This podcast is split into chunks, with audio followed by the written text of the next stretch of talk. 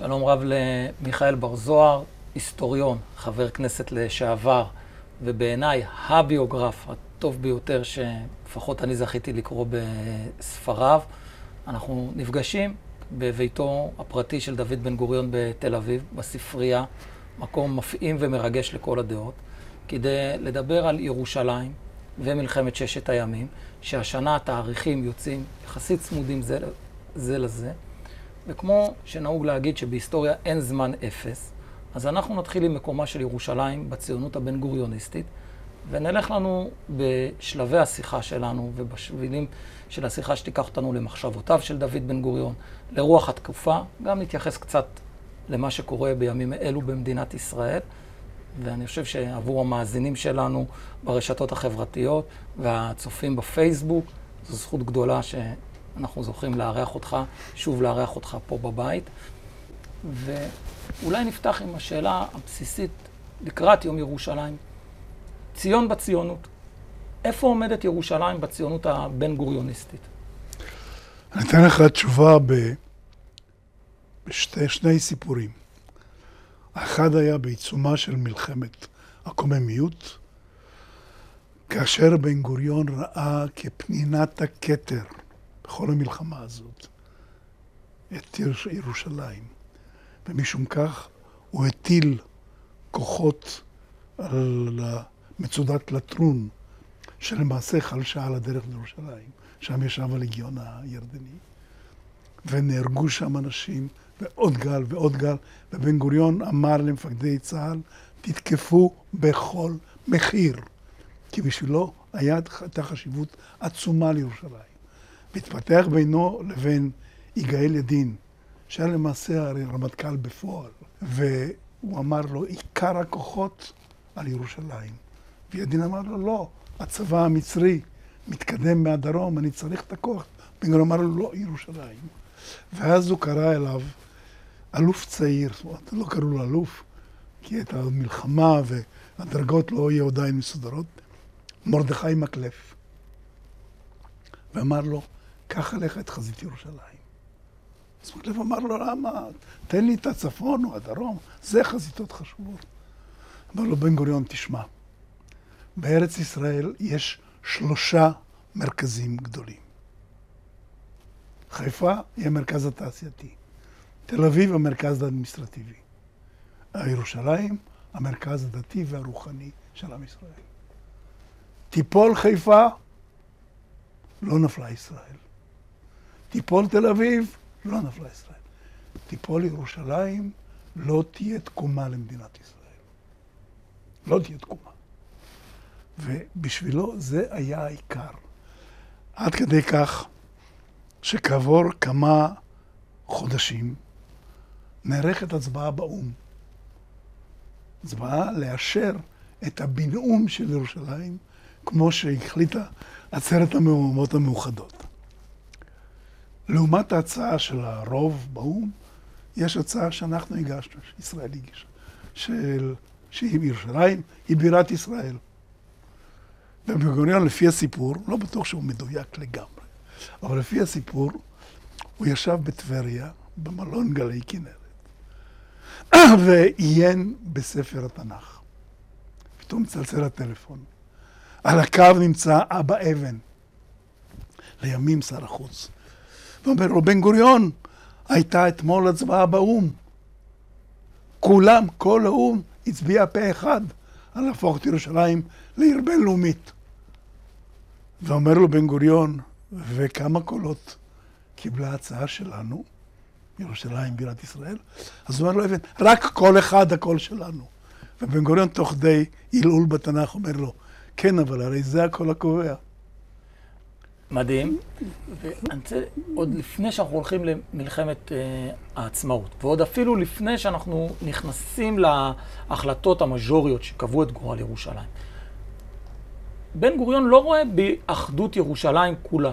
באחד המקומות הוא אומר, בשביל היהודים, ירושלים המרעבית, ירושלים המזרחית, זה אותו דבר, מספיק שתהיה ירושלים.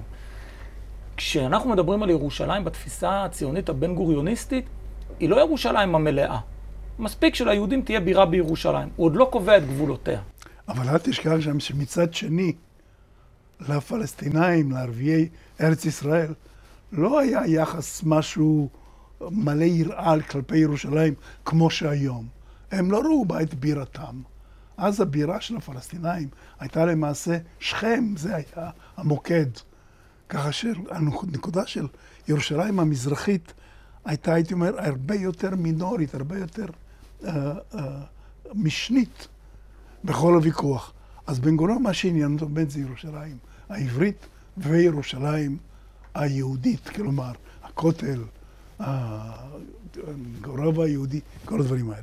ירושלים המזרחית שאתה מדבר עליה, היא הירושלים שאנחנו סיפחנו אחרי מלחמת ששת הימים את כל הכפרים האלה שהיו מסביב, שזה ג'בל מוכבר ושייח' ג'ראח וכל הדברים האלה, שלא היו חלק מירושלים למעשה.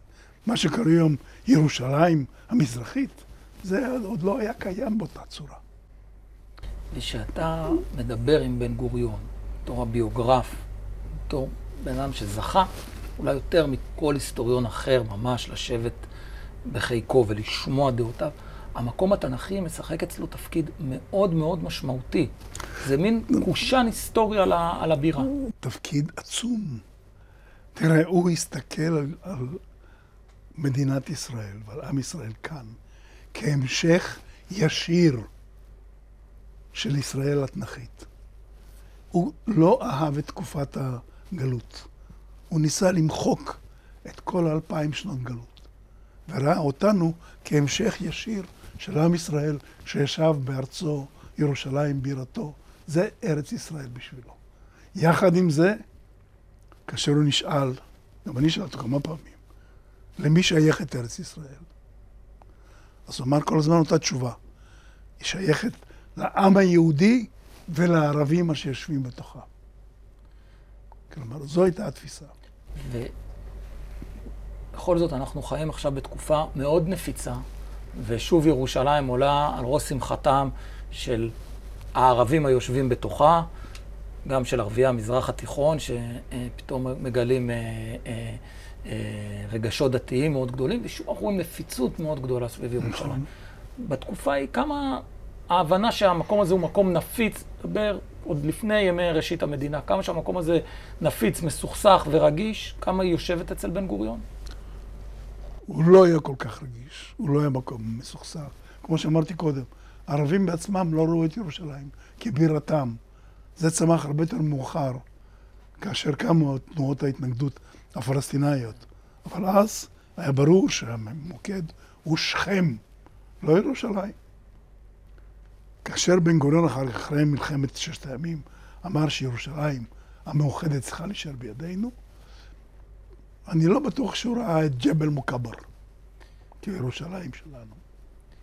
אמרת בתחילת דבריך משפט שבעיניי הוא מעורר השראה.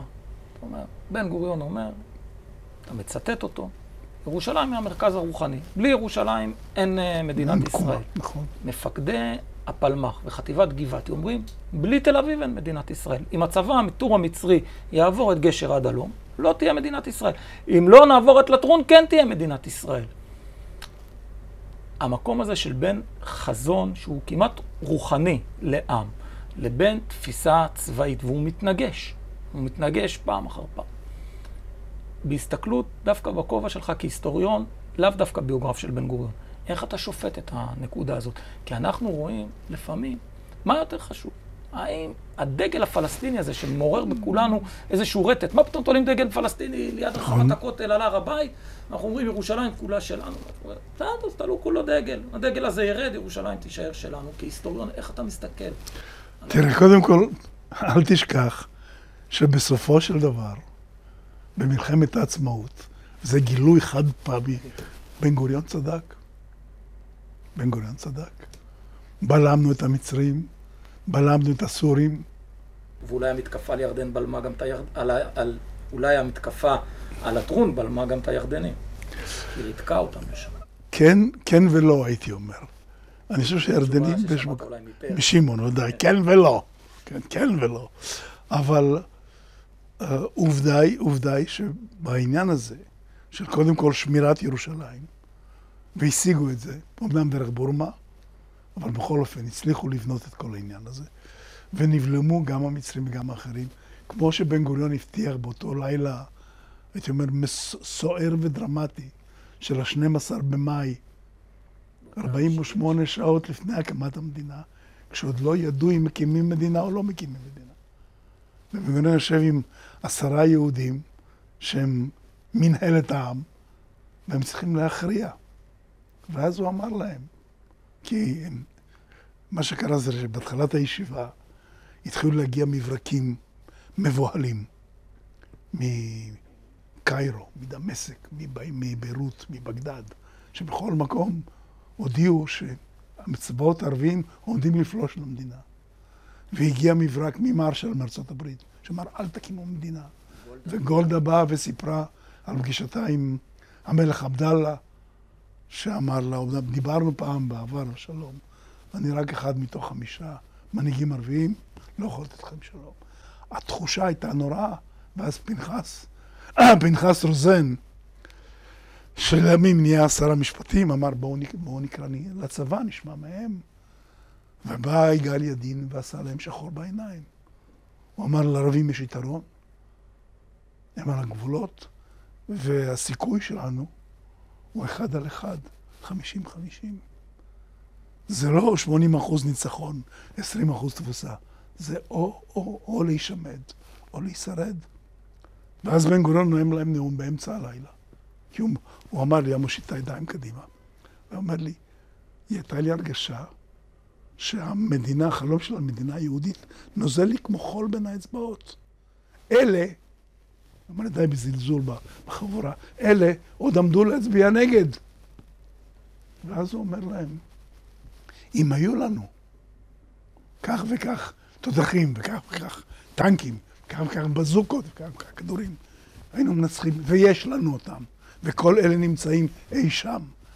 הוא התכוון לבסיסים הסודיים שהיו לאורך הים התיכון. הוא אומר, הם יגיעו לארץ. ברגע שהם יגיעו לארץ, נצייד את הצבא, ננצח במלחמה.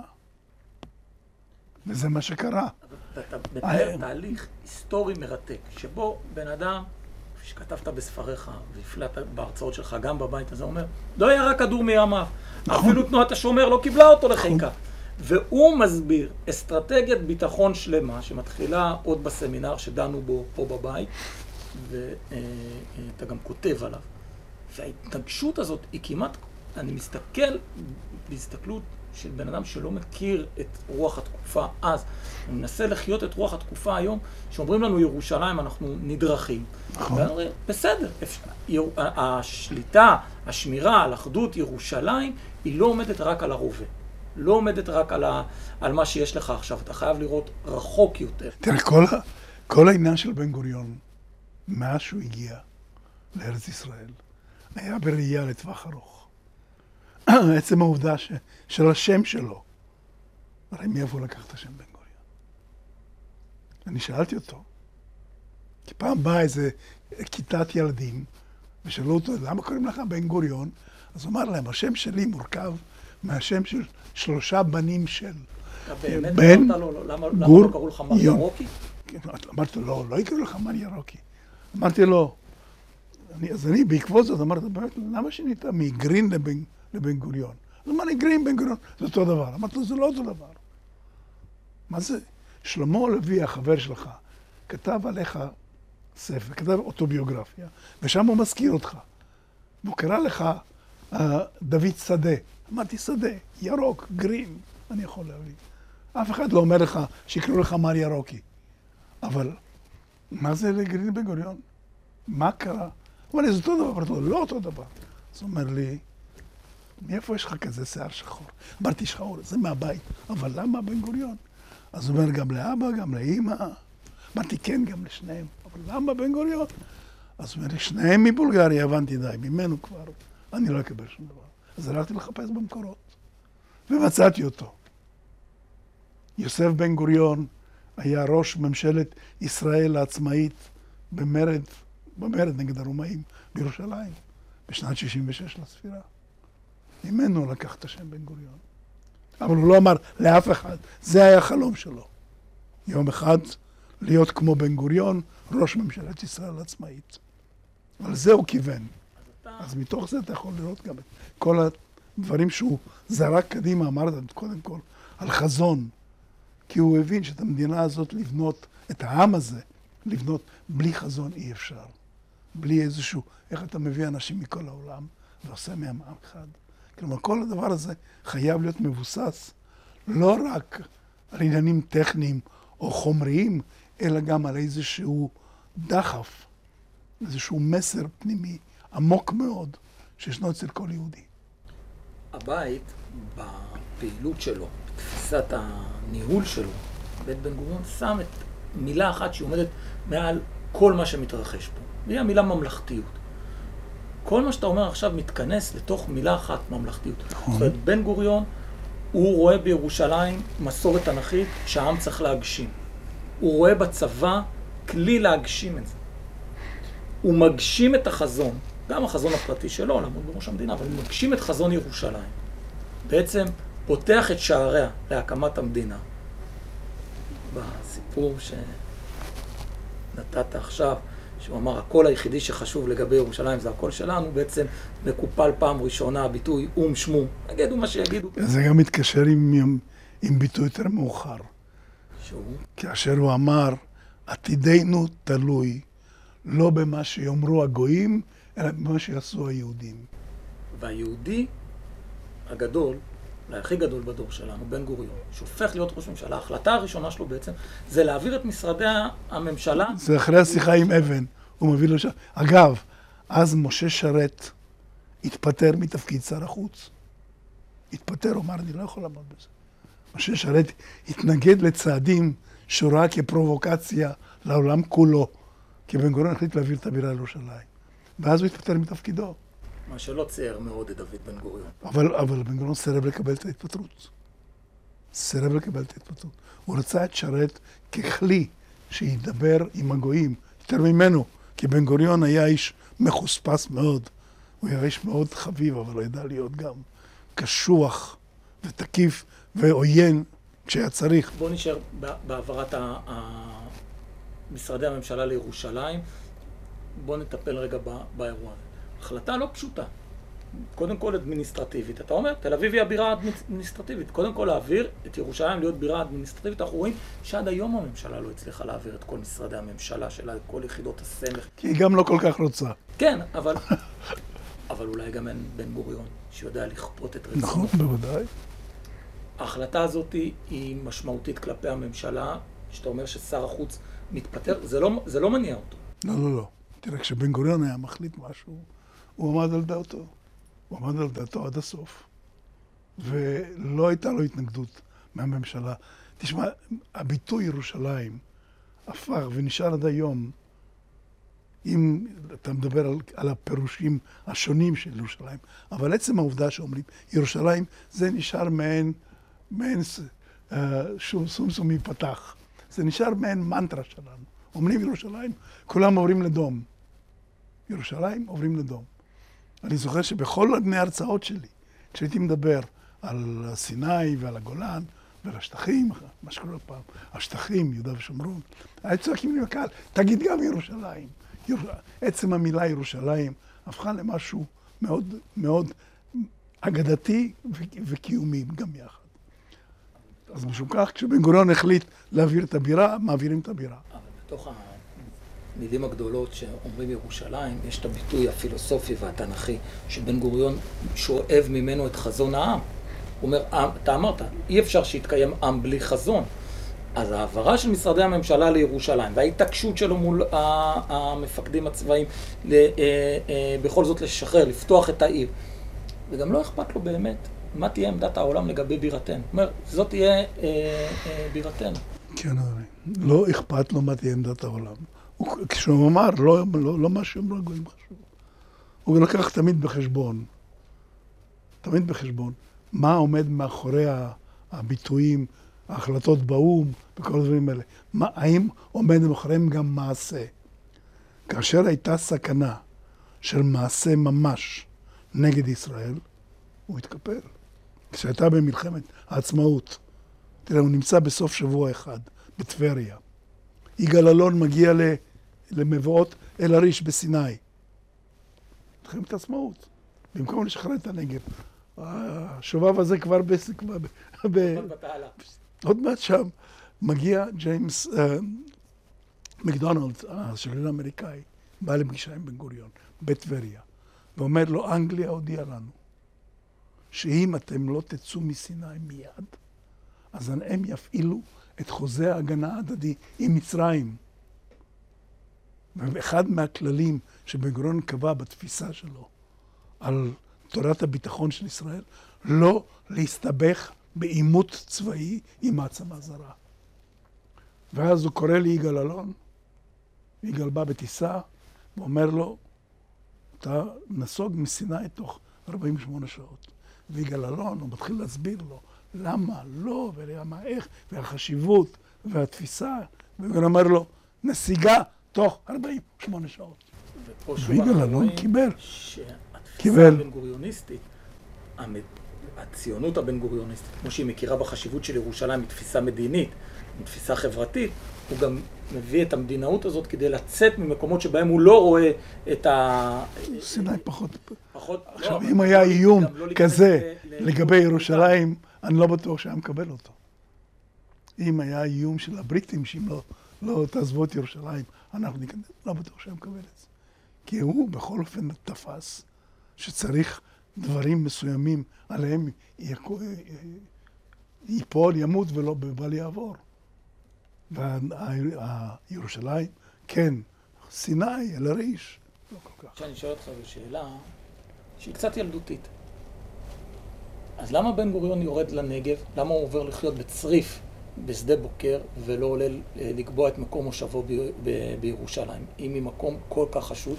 אני לא יודע להגיד מה היה אילו, כמו שאמרתי, שאלה קצת ילדותית. לא. אז מה היה קורה אם הוא היה עובר לירושלים? הוא נמצא שם שלושה ימים בשבוע. היה עובר לירושלים, אז מה יקרה? כלום. לעומת זאת, הוא כל הזמן אמר, עד מותו, שעתידה של ישראל, של עם ישראל, של מדינת ישראל, של ארץ ישראל, זה בנגב. 60 אחוז מהשטח שלנו זה הנגב. הוא כל הזמן טען, את זה צריך לפתח. ואיך נפתח? על ידי כך שנביא את הדור הצעיר לנגב.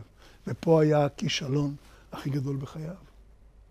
הוא ירד לשדה בוקר בשביל למשוך אחריו את הנוער, והנוער לא בא. כינסו אותנו, הייתי אז תלמיד החמישית או השישית, במה שקראו פעם שייח' מונס, היום רמת אביב. עשו שם, דחפורים עשו מעין, מעין אצטדיון, בנו, הביאו את כל, את כל החמישיות והשישיות, והשביעיות, והשמיניות של, של כל מחוז תל אביב, באו גם מערים אחרות. אלפי בני נוער. ובן בא מה, מה, מהנגב. הוא הלך אז עם מקל, היה לו, היה לו, היה לו לומבגו, מתנת, מחלה שהיא קפה לו מאוד, והוא עומד לפני המיקרופון ואומר, נוער ישראל, ההיסטוריה היהודית מעמידה בפניכם את השאלה, קריירה או שליחות? ונוער ישראל פיצח גרעינים וצחקק וראה אותו ודיבר, ולא, ולא בא לנגב. מי שכן בא, זה כשמשה דיין ארגן לו את בני המושבים. בני המושבים שבאו מהמושבים הוותיקים, כמובן של תנועת העבודה, והם כולם התנדבו לרדת לנגב ולעבוד ביישובי עולים. והיה שם לילה אחד, נדמה לי בנהלל, שכל בני המושבים התכנסו, הם באו בחולצות לבנות, מכנסי חאקי, והוכיחו לבן גוריון שהם הולכים אחריו. ואז הוא קם ואמר, יש אלוהים במקום הזה. מפני שהם באו לבצע את, החזון שלו, את החלום. אבל החלום לא בוצע, למעשה עד היום הזה. אומנם עיר הבה"דים וכמה יישובים, אבל בכל אופן רוב הנגב עדיין שומם. וכשבן גוריון חזר להיות שר ביטחון בממשלת ישראל ב-1955, אחרי פרשת לבון, אמר לו חזן או יערי ממפ"ם, אמר לו בן גוריון, לא הצלחת. עם 80 בני מושבים לא הזזת את העגלה. זה נכון. עכשיו אנחנו נלך צעד אחד קדימה, נתגלגל בתקופת הזמן. בן גוריון פורש לשדה בוקר, חוזר לתפקיד שר הביטחון, מנצח בראשות מפא"י את הבחירות, מבצע אה, אה, קדש, שאני, גם הרקע ההיסטורי שלך והעיסוק עם צרפת, ועודו במקומו, ואנחנו נדלג רגע מעל התקופה הזאת, ונגיע ממש ערב אה, אה, מלחמת ששת הימים. בן גוריון פורש ב-63, הוא לא איש פוליטי. הוא מנסה ב-65 לחזור לזירה הפוליטית עם רפי, לא מנצח את הבחירות, זוכה בעשרה מנדטים, ויש בעצם ממשלה חדשה בישראל, שבה בן גוריון הוא אופוזיציה, לא חבר כנסת פעיל במיוחד, כמעט בכלל לא. וערב מלחמת ששת הימים, עוד הפעם תחושה של מצור. פה זה המקום גם להגיד שספרך, החודש הארוך ביותר, בעיניי זה הספר הטוב ביותר שנכתב על המלחמה, מומלץ בעיקר לבני הדור שלי. מי שקורא את הספר הזה מרגיש שהוא אזרח חרד או חייל על, המוצב. אחד הספרים שמבטאים את רוח התקופה זה ספר שאתה קורא אותו כמו שאתה רואה סרט מתח. אתה לא יכול לזוז בזמן שאתה קורא אותו מרוב שהוא מרתק והוא קצבי. פשוט אני לא יודע איך להגיד שספר קצבי. תמשיך, תמשיך, אני בעד. ומתחילה תנועה פעם ראשונה שאומרת, בן גוריון לביטחון, בן גוריון לראשות הממשלה. הממשלה, כן. הרבה מילים נכתבו על זה, הרבה סרטים הוסרטו על זה. בן גוריון בכלל יכל לקבל על עצמו את התפקיד, הוא היה כשיר לקבל על עצמו את התפקיד הזה בתקופה ההיא. השאלה הזאת שאל מנחם בגין את שמעון פרס, כשהם עמדו בירושלים במנחת המסוקים ליד הכנסת. שאל אותו, בן גוריון מסוגל להיות שוב ראש ממשלה ולנהל את המדינה? פרס אמר לו, כן, הוא יכול. אז אמר לו בגין, אתה יכול לסדר לי פגישה איתו? אמר לו, כן.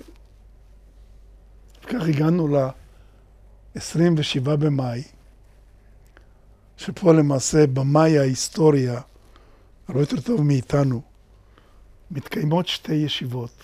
מצד אחד ישיבת ממשלה, עם אבא אבן שחזר מסיור שבו הוא נפגש עם ראשי אנגליה, צרפת וארצות הברית, והוא מדווח, אגב, דיווח לא מדויק, שעל זה הייתה מלחמה אחר כך, והוא מדווח לממשלה, והיא צריכה להצביע האם הולכים מחר למלחמה. מדברים על 27 במאי. ובהצבעה יוצאים תיקו, תשעה מול תשעה. ואשכול, אם היה קצת יותר גבר, והיה דופק על השולחן, כי אשכול תמך ביציאה למלחמה, והיה אומר, עוד הצבעה, נעשה הצבעה חוזרת. אין ספק שהוא היה מנצח, והיה יוצא כמו הגיבור הגדול של המלחמה. אבל זה אשכול, זה אשכול. אז הוא אמר, טוב, נלך לישון, נחשוב, נתכנס מחר ונחליט. עכשיו, באותו רגע יש פגישה בין בן גוריון לבגין בביתו. שתי ישיבות. הפגישות האלה מתקיימות במקביל. במקביל, מצד אחד הממשלה כן. דנה אם לצאת למלחמה, ובצד שני מנסים לייצר קואליציה. עכשיו, מה שבגין לא יודע כשהוא בא להיפגש עם בן גוריון, מה שהציבור בארץ לא יודע. הציבור, כולם חושבים שבן גוריון זה מנהיג עשוי ללא חת. הוא יכול היום לעצור את הערבים, הוא היחיד בארץ שיכול להפיח בערבים פחד ויראה, והם לא יתקפו אותנו. ומשום כך בגין בא לפגוש את בן גוריון, ובגין בצעד אצילי בצורה בלתי רגילה. מנחם בגין, בן גוריון עשה לו את המוות, את המוות מאז, מאז 49, כשהוא יצא ל, ל, ל, לחופשי, לגלוי, יצא מהארון של המחתרת. בן גוריון הגיע למסקנות שונות. הוא היה רחוק מהצבא, ארבע שנים כבר לא היה שר ביטחון ולא ראש ממשלה. הוא לא הבין את המצב לאשורו. הוא חרד מפני מלחמה. יש לי הקלטה שלו כשהוא אומר לי, אם תהיה פה מלחמה, יהיו לנו לפחות חמשת אלפים הרוגים. דיבר על חמשת אלפים הרוגים. אנחנו זקוקים לעזרה של מעצמה זרה, שגם תספק לנו נשק וגם תמיכה מדינית. אסור לצאת למלחמה עכשיו. אולי בן גוריון ב-67 חושב במושגי 56. לא. שאי אפשר... ב-56 הוא, הוא היה מוכן ללכת גם בלי בת ברית. ב-55 הוא כבר רצה ללכת. אבל אז שרת הכשיל אותו בממשלה.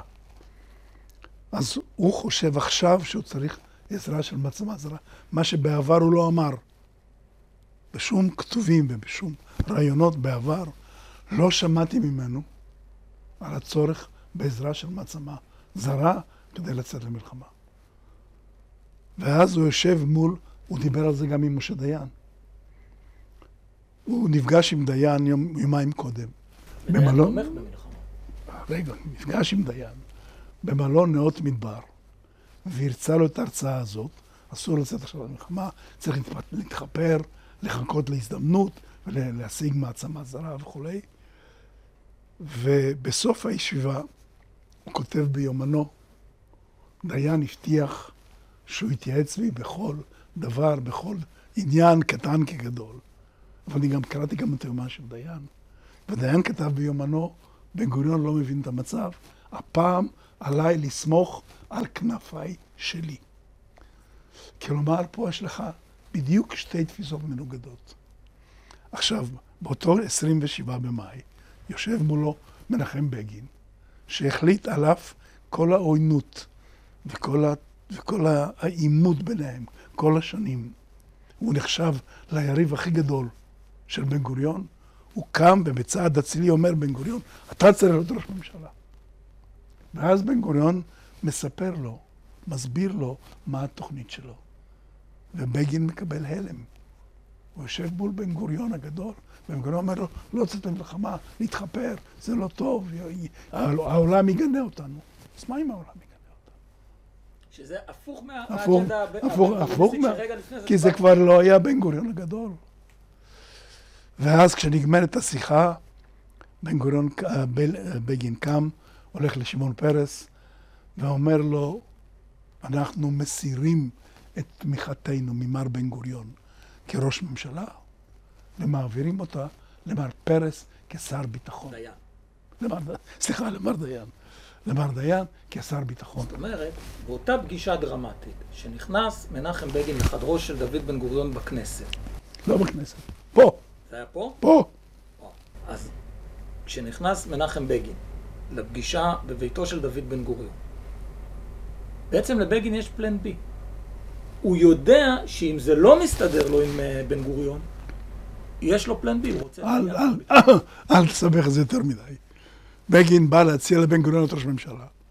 בגין ידע מה דעותיו של, של דיין, מה דעותיו של פרס, מה דעות הצבא, בגין ידע את זה. זה לא שהוא בא עם פלן A ופלן B, זה יותר די מתוחכם. זה היה פגישה עם בן גוריון קודם כל. אם בן גוריון היה אומר לו כן, אבל אתה אומר שבסוף הפגישה שבן גוריון אומר לו לא, הוא גם אומר הוא משתכנע, הוא משתכנע שאם בן גוריון זה לא ילך. ואז פתאום, כשאתה מסיר את בן גוריון מהלוח, מי נשאר בולט? משה דיין. שבתקופה הזאת שאנחנו מדברים עליה, אתה כבר ביוגרף של דוד בן גוריון, אתה מלווה נכון, אותו. כן, כן.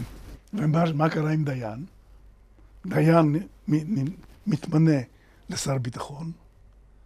אגב, כל אלה שתוקפים את דיין על מעשיו ועל זה שהוא כפו אותו לאשכול, לא עונה על שאלה אחת. למה אשכול כל כך התעקש להישאר שר ביטחון, כשהוא לא היה איש ביטחון ולא הבין בביטחון? על זה לא מדברים. מקשיבים לנו בספוטיפיי וצופים לנו בפייסבוק, אז ניתן רגע מסגרת. ישראל נמצאת בתקופה של המתנה. בסדר, המצרים מכניסים כוחות לסיני, אחרי זה גם סוגרים את מצרי טיראן, שבתפיסת הביטחון הצה"לית זה עילה למלחמה. ומתחיל להיות לחץ ערב יציאה למלחמה, הממשלה לא מצליחה אה, אה, לקבל החלטה אם לצאת למלחמה או לא, ויש תחושה גדולה מאוד של היסוס. גם בספר שלך, למרות שבראי ההיסטוריה מנסים לעשות הרבה צדק או תיקון ללוי אשכול, להגיד שבספר שלך, כפי שהאמת באה כפי רוח התקופה. אשכול מהסס בנושא ביטחון, ועם ישראל לא יכול להרשות לעצמו בכלל להסס בענייני ביטחון. ופה אני רוצה לשאול אותך, אולי עם ישראל כן צריך דווקא להסס בענייני ביטחון, אולי דווקא בשאלות של חיים ומוות. כל כך הרות גורל, אולי האצבע שלנו לא צריכה להיות קלה על הדדק. גם בתור הביוגרף של בן גוריון, גם בתור בן אדם שליווה את דיין, והרבה גם בתור הכובע שלך כהיסטוריון. אבל אתה שואל, אתה שואל על תקופה. אל תשכח, נאסר נכנס לסיני, הכניס את השריון שלו לסיני. ב-15 במאי 67. למחרת היום גירש את, גירש את משקיפי האו"ם, סגר את המיצרים, חתם על הסכמי uh, הגנה והתקפה צבאיים עם ירדן, עם סוריה, עם עיראק. הודיע חד משמעית שעומדים עכשיו לחסל את ישראל. ביומני הקולנוע ראינו המונים ערביים רוקדים ברחובות של קהיר, דמשק ובגדד, עומדים לחסל את ישראל. בארץ תחושה של ערב השמדה. מה זה אצבע קלה על ההדק? כמה זמן חיכינו? ולא חיכינו. זו לא הייתה המתנה. הביטוי המתנה הזה הוא ביטוי מגוחך. זה היה היסוס, תקופת היסוסים, לא ידעו מה לעשות. פשוט לא. אז שלחו את אבן. שלחו אותו לדה גול. דה גול אמר לו, אל תראו את העיר הראשונה. ודה גול מטיל פתאום אמברגו על הנשק. אין לנו נשק. האנגלים תומכים בנו, אבל הם לא מוכנים לעשות כלום. הוא נוסע, לג'... נוסע לג'ונסון, לנשיא ארצות הברית, וג'ונסון אומר לו, אל... אם אתם רוצים להיות איתנו בנחיתה, תהיו איתנו גם בהמראה. במילים אחרות, אל תעשו דבר בלי, בלי הסכמה שלנו. ואז בארץ לא יודעים מה לעשות. אבל אני בוחר לא לעשות. ואז רגע אחד, ואתה אומר, אצבע קלה על ההדק. איזה אצבע קלה על ההדק? אנחנו חיכינו מה-15 במאי עד ה-5 ביוני. שלושה שבועות. זה נמשך. ההיסוסים והבלבולים, וכן לעשות, ובינתיים, בינתיים, יצחק רבין קורס. הוא קרס בעקבות פגישה עם בן גוריון, אגב, שהשפיע עליו מאוד.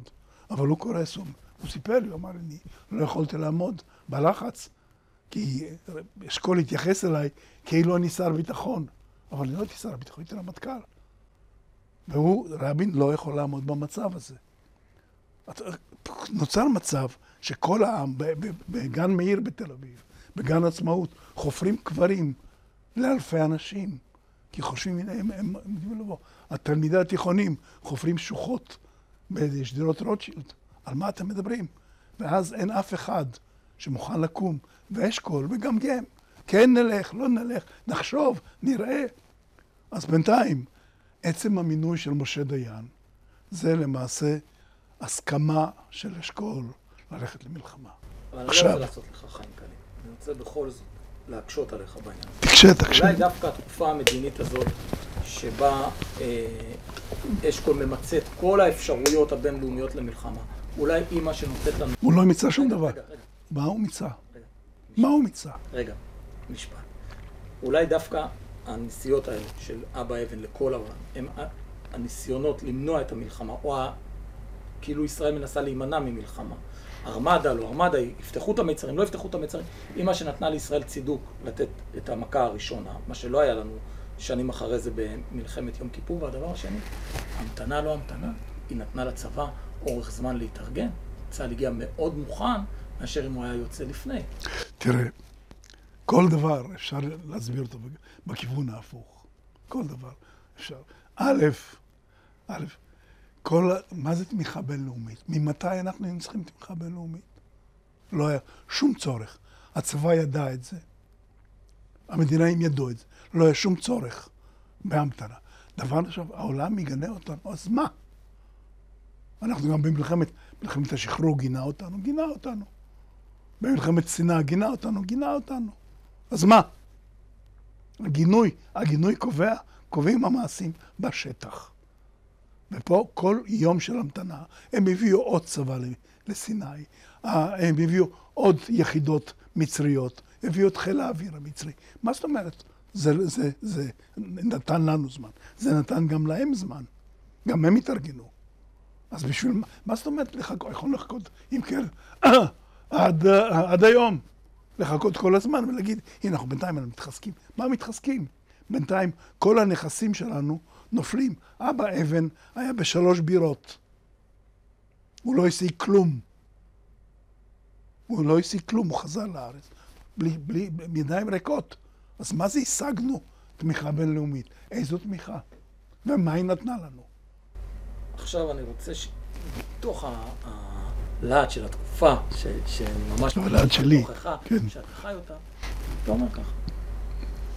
יצא למדינת ישראל מזל שמשה דיין, עם מילת הביטחון שלו, והיה לו גם על מה להסתמך, הייתה לו מלחמה בכיס, מלחמת 56. הוא תפס את מושכות הביטחון בתקופה שבה יש חרדה בציבור, חרדה קיומית. אף אחד מבני הדור שלי ומהחבורה הנפלאה שמנהלת פה את הבית וממלאת עכשיו את הספרייה וצופה, לא יודע מה זה חרדה קיומית. אנחנו לא יודעים מה זה חרדה קיומית. אנחנו, פיגוע בתל אביב זה מקסימום החרדה שאנחנו יכולים לחוות אותה. תן לנו רגע להיכנס למה זה חרדה קיומית באותה תקופה. זו חרדה של שואה שנייה. שהצבאות ערב ישטפו את הארץ הזאת וישמידו אותנו. וזאת שיחת סלון בישראל? זאת שיחה רחוב בישראל? זאת תחושה, תחושה בהחלט של הרחוב בישראל. תשמע, אני ראיתי את, ה, את הרבנים שהסתובבו בגן מאיר, שקידשו את גן מאיר כבית קברות לשעת חירום. אתה יודע מה זה? ראיתי שם אישה, אישה אחת באה עם תינוק בעגלה. כשהיא הראתה את זה, היא ברחה מבוהלת עד מוות. וזו הייתה התחושה. אל תראה, כשיצא בחמישה ביוני, כשהתחילה המלחמה, הייתי צריך לקרוא את המאמר הראשי של ידיעות אחרונות, שאמר, לא תהיה טרבלינקה שנייה, או אושוויץ שנייה, לא זוכר, בוניה יוטבעו בדם. זה נכתב במאמר ראשי בידיעות אחרונות. זו הייתה התחושה. הנה הערבים, ובן גוריון גם כן חשש כל חייו, הוא גם כתב את זה ביומנו, שיום אחד יקום מעין אטאטורק, כמו כמעל אטאטורק בטורקיה, אטאטורק ערבי שיצליח ללכד סביבו את כל מדינות ערב, ואז יהיה לנו, יהיה לנו, יהיה לנו אתגר ועימות נורא. ומשום כך, אגב, אחת הסיבות שבגלל זה הוא הלך לעניין האטומי. בן גוריון חרד מאוד מחזית מלוכדת של הערבים שסביבנו נגדנו. ואז, אבל אז הוא לא, הוא לא תפס את הסכנה שבהמתנה, כמו שהוא לא תפס אחר כך את העובדה שדה גול תקע לנו סכין בגב. אגב, דה גול עשה גם לצרפת, גם תקע סכין בגבה של צרפת עצמה, כי צרפת הפסידה את כל ההשפעה שלה במזרח התיכון בגלל... בגלל טעות שלו. אותו אמברגו ידוע על הנשק שהם לא מסכימים למכור. דה גול סבר שבימים הראשונים, אם תפרוץ מלחמה, ישראל תתקדם בתוך השטחים האלה, אחר כך הערבים יתנגדו, יתחילו להביס את ישראל, ישראל תבקש עזרה מהאמריקאים, הערבים יבקשו עזרה מהרוסים, ואנחנו במלחמת עולם שלישית. זה צריך למנוע. אז הציבור הישראלי חרד. חרד זה לא מילה. אה, פאניקה ציבורית כן. הולכת וגוברת. המערכת הפוליטית מתגלגלת לניסיון לייצר איזושהי מנהיגות אלטרנטיבית לאותה הססנות, כפי שאתה מביא, של אה, אה, לוי אשכול. בן גוריון לא לוקח על עצמו את תפקיד ראש הממשלה, יותר ממה שלא ניתן לו, בכלל לא לוקח אותו.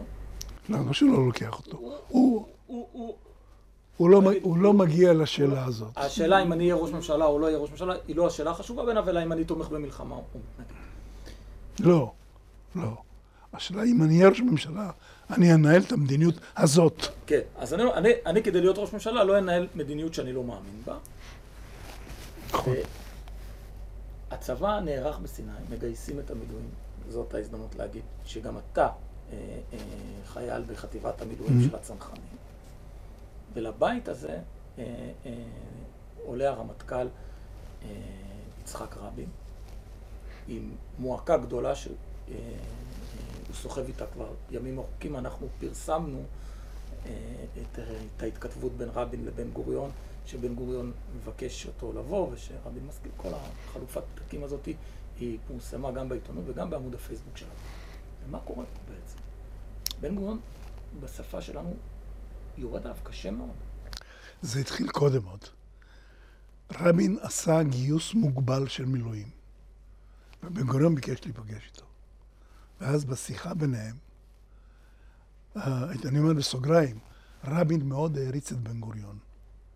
ולבן גוריון היה יחס מאוד חם לרבין במיוחד. אף על פי שרבין היה בפלמ"ח ובאחדות העבודה וכל זה, בחוגים האלה. הוא אולי בזכות אמו רוזה כהן, לה רוזה האדומה, אמו הייתה מנהיגת פועלים מדהימה. ובן גוריון קורא, הולך לפגישה עם רבין, ומה הוא אומר לו? הוא אומר לו, אתה סיכנת את עם ישראל, לא פחות. הוא אומר את זה לרמטכ"ל, שמאוד מעריץ אותו. ובן גוריון אומר לו, סיכנת את עם ישראל, כי גייסת מילואים. בן גוריון ראה בזה גם צעד שלנו, שיכול גם להגביר את המתיחות. ורבין יוצא מהפגישה אבל וחפוי ראש. ואז הוא הולך בחשאי לפגישה עם משה דיין, בצהלה, רבין. והוא מספר לדיין מה שהוא בא מבן גוריון וכך וכך בן גוריון. ואז דיין אומר לו, מה תוכניות המלחמה שלך?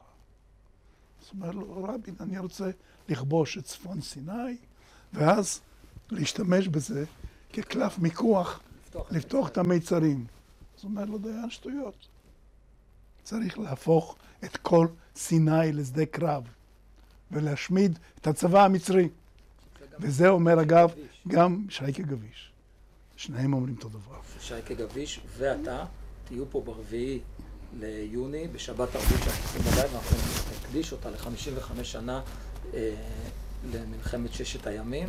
זה אולי אה, גם אירוע היסטורי מעניין של לשמוע את שני הדברים האלה. אז אתה אומר בעצם, בלי דיין, רבין התקשה לתפקד. זאת אומרת, התפקוד של הצבא בא לידי ביטוי טוב יותר, גם בזכות השינויים האלה. סליחה, תראה, אני מאוד אהבתי את רבין. מאוד מאוד. הייתי מאוד קרוב אליו. אבל כשאתה לוקח, בודק את מלחמת, מלחמת אה, ששת הימים, אתה לא פוגש אותו. הוא איננו.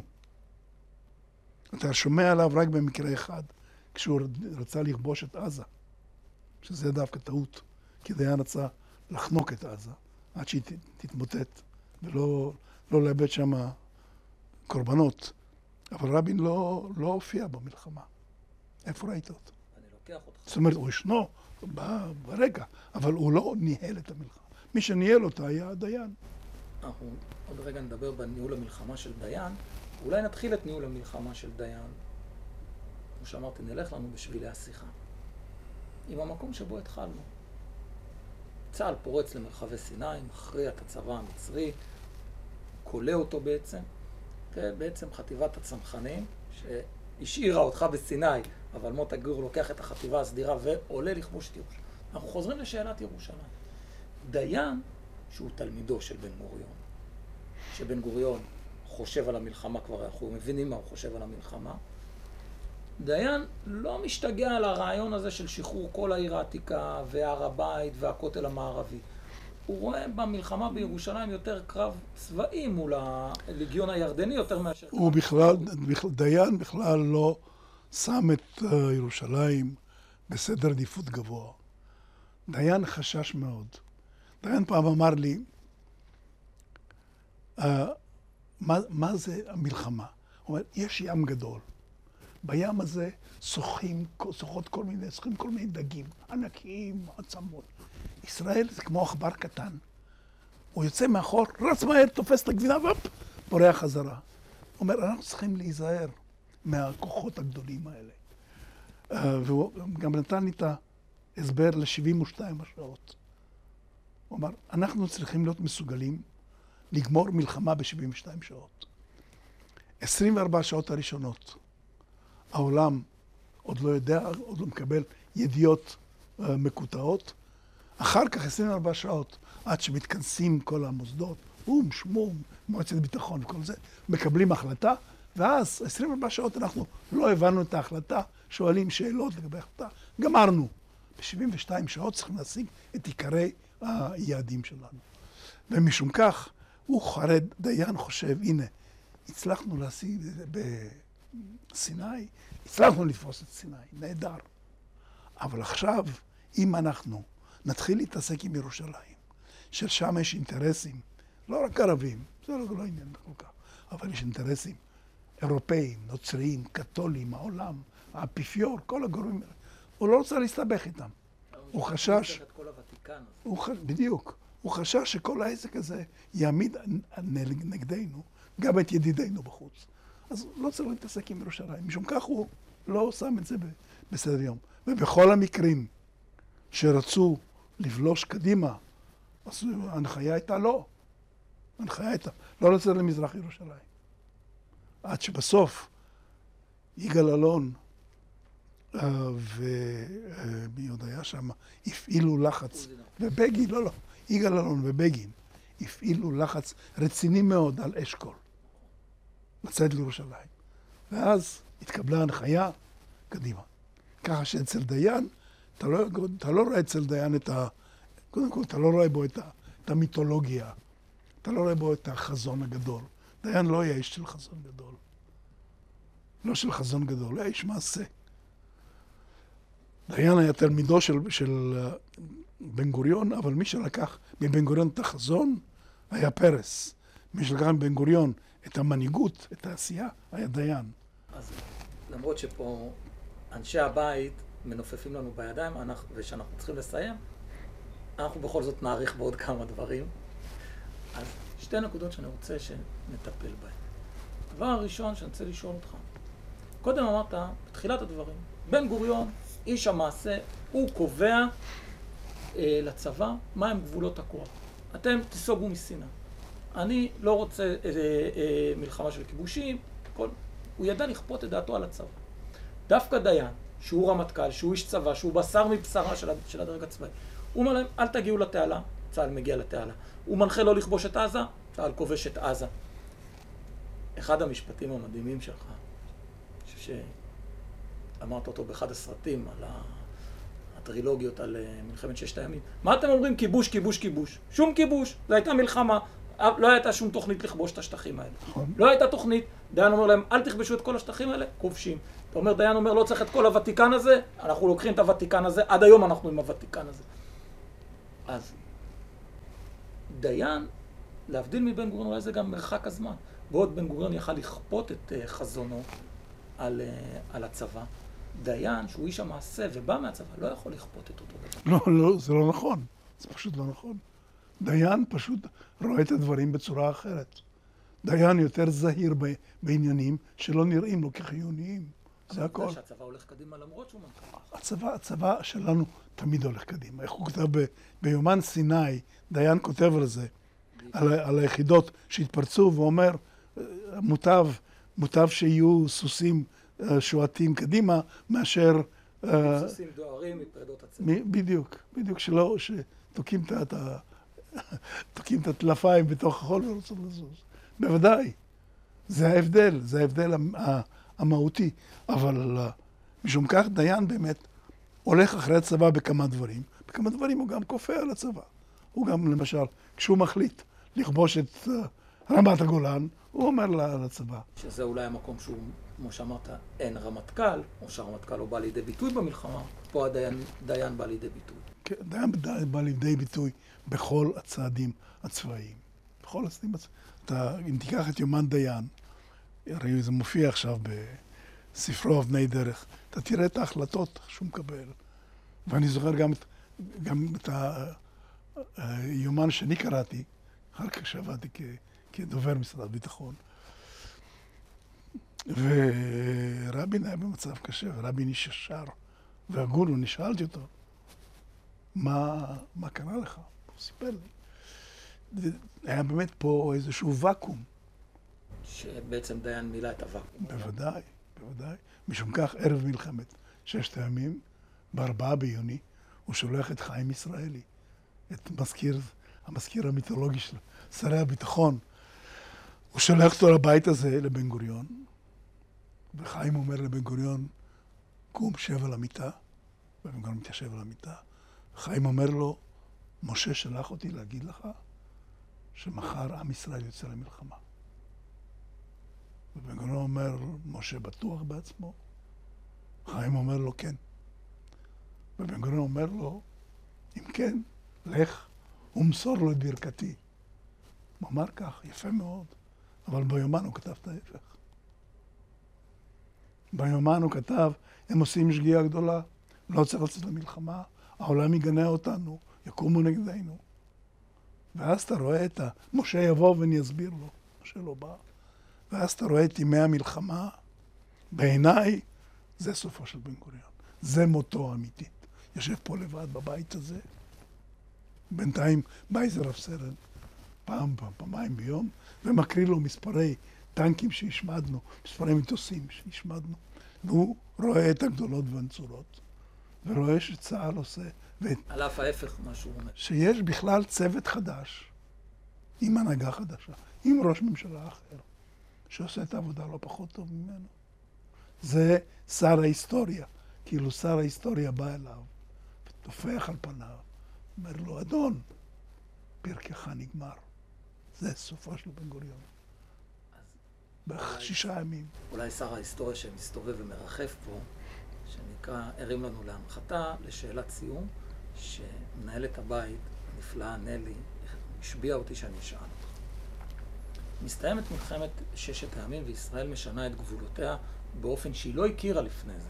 גם רחבת ידיים, גם רחבת היסטוריה, מקומות היסטוריים שאנחנו נוגעים בהם, מערת המכפלה וקבר רחל והכותל המערבי כמובן העתיקה. ויחסו של בן גוריון לשאלת השטחים נפתח. ודווקא מעניין אותי ממש לשאול את זה כשאלה פתוחה. איך אתה רואה את האסקלציה בדעות של בן גוריון לגבי שאלת השטחים? לא הייתה אסקלציה, להפך. בן גוריון, משנת 57, מפברואר 57, בן גוריון לא שינה את דעתו. עד פברואר 57, בן גוריון חלם על ארץ ישראל עד הירדן. זה היה חלומו. הוא, כל הסיפורים שהוא רצה פחות, שהוא רצה לוותר, פשרות, שטויות. הוא חלם, הוא גם כתב תוכנית מדינית, שהקריא אפילו בפני הצרפתים, רשומה ביומן שלו. שאנחנו ניקח, את הש... ש... שעבר הירדן זה מדינה מלאכותית, צריך להגיע לירדן, אנחנו ניקח עד הירדן, את השאר ניתן לעיראק. גמרנו, לא תהיה ירדן. אבל כשב-57, בפברואר, לוקחים אותו דיין ופרס לסיור בעזה שנכבשה במלחמת סיני, במבצע סיני.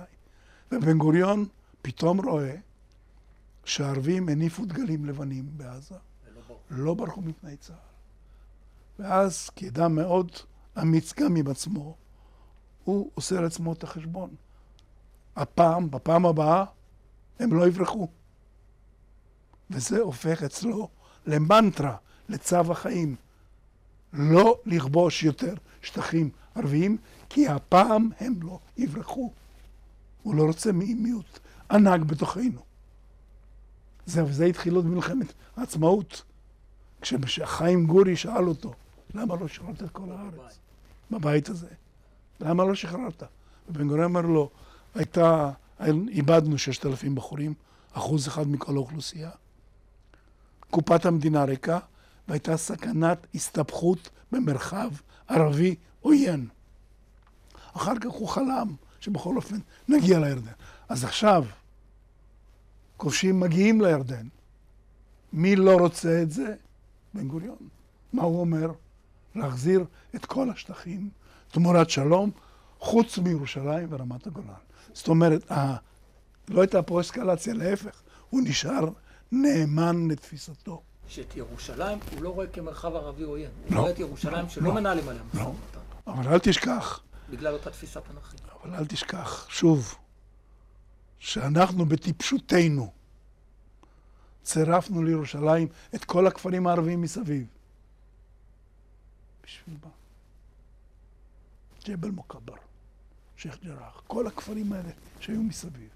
למה צירפו אותם לשם? זאת ירושלים הגדולה. ועכשיו זה מתנקם בנו. כי עכשיו ירוש- בירושלים, עוד יום אחד יהיה לך, יהיה לך רוב, רוב פלסטיני. וראש עירייה כבר יכול להיות פלסטיני. על מה, אז מה אנחנו הולכים?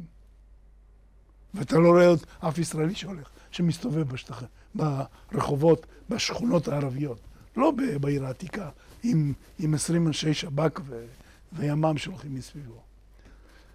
משום כך, התפיסה הזאת של בן גוריון לירושלים, היא לא הייתה התפיסה ש, שבסופו של דבר נוצרה עם כל מה שמסביב. והיה עוד דבר, גם דיין, גם דיין, בתחילה, אחרי מלחמת ששת הימים, גם הוא ראה את השטחים, משהו אחר השטחים, כקלף מיקוח, כמשהו שאפשר להחזיר תמורת שלום. כשאני באתי אליו למשרדו כיועץ ודובר, אז הוא אמר לי, קח את האוטו, סע לראות את השטחים לפני שיקומו עלינו. סע לראות אותם מהר, כי הוא חשב ש... אבל אחר כך, נראה את, הש... את, את התהליך. הוא התאהב בשטחים, הוא בא לשילה, הוא בא לענתות. דיין היה אדם שהיה מאוד מאוד קשור לתולדות עם ישראל בארצו, לתקופת התנ"ך. הוא מאוד עמוק. היינו, שנינו בתוך התנ"ך ובתוך ביל אלתרמן. זה היו שני, שני המורי ההלכה שלנו, חוץ מבן גוריון. ואחר כך, כשהוא הראה את שילה וענתות ושכם וכל הדברים האלה, הוא התאהב בהם. ואז הוא התחיל לחפש לא פתרון שהוא, שהוא דיבר עליו קודם, כשהוא אמר שהוא מחכה לטלפון מחוסיין, אלא הוא התחיל לחפש פתרון מתוחכם. אני יודע, ריבונות מעשית וריבונות uh, קיומית, וריבונות של ירדן על האנשים ושלנו על האדמה. כל מיני סיפורים, איך למצוא פתרון שישאיר אותנו שם.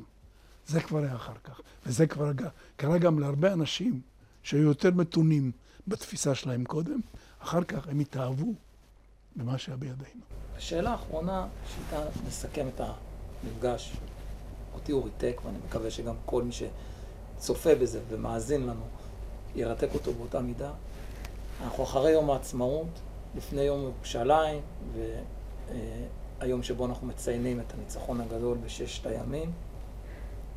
מיכאל בר זוהר הוא אדם אופטימי, והאם הזקן שהיה יושב פה בכורסה היה גאה ואופטימי.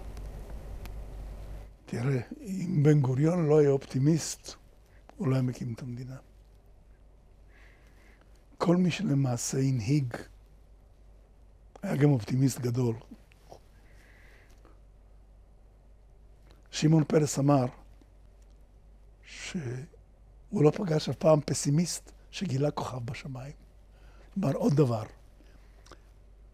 פסימיסט ואופטימיסט מתים באותה דרך, אבל חיים אחרת. ומיכאל בר זוהר? אני, אני הייתי אומר, אופטימיסט ללא תקנה. כי אני רואה את, ה, את ההתפתחות ואת החיוב. אני פעם האמנתי כשבאתי לארץ, ילד בן עשר, כשהיו פה פחות ממיליון תושבים, אני פעם האמנתי שנגיע לעשרה מיליון, שנגיע לכוח גרעיני, שנגיע להייטק כזה, שנגיע לתרבות כזאת, שנביא יהודים מכל העולם, שאנחנו נהיה הנס היחיד, ההישג היחיד של העולם, של היסטוריה במאה ה-20. כל הדברים האחרים שקנו, קנו, על הקומוניזם ונפל, על הנאציזם ונפל, האימפריאליזם והקפיטליזם נפלו. הכל התמוטט, חוץ מדבר אחד, תקומת ישראל. זהו. תודה רבה לך. תודה גם.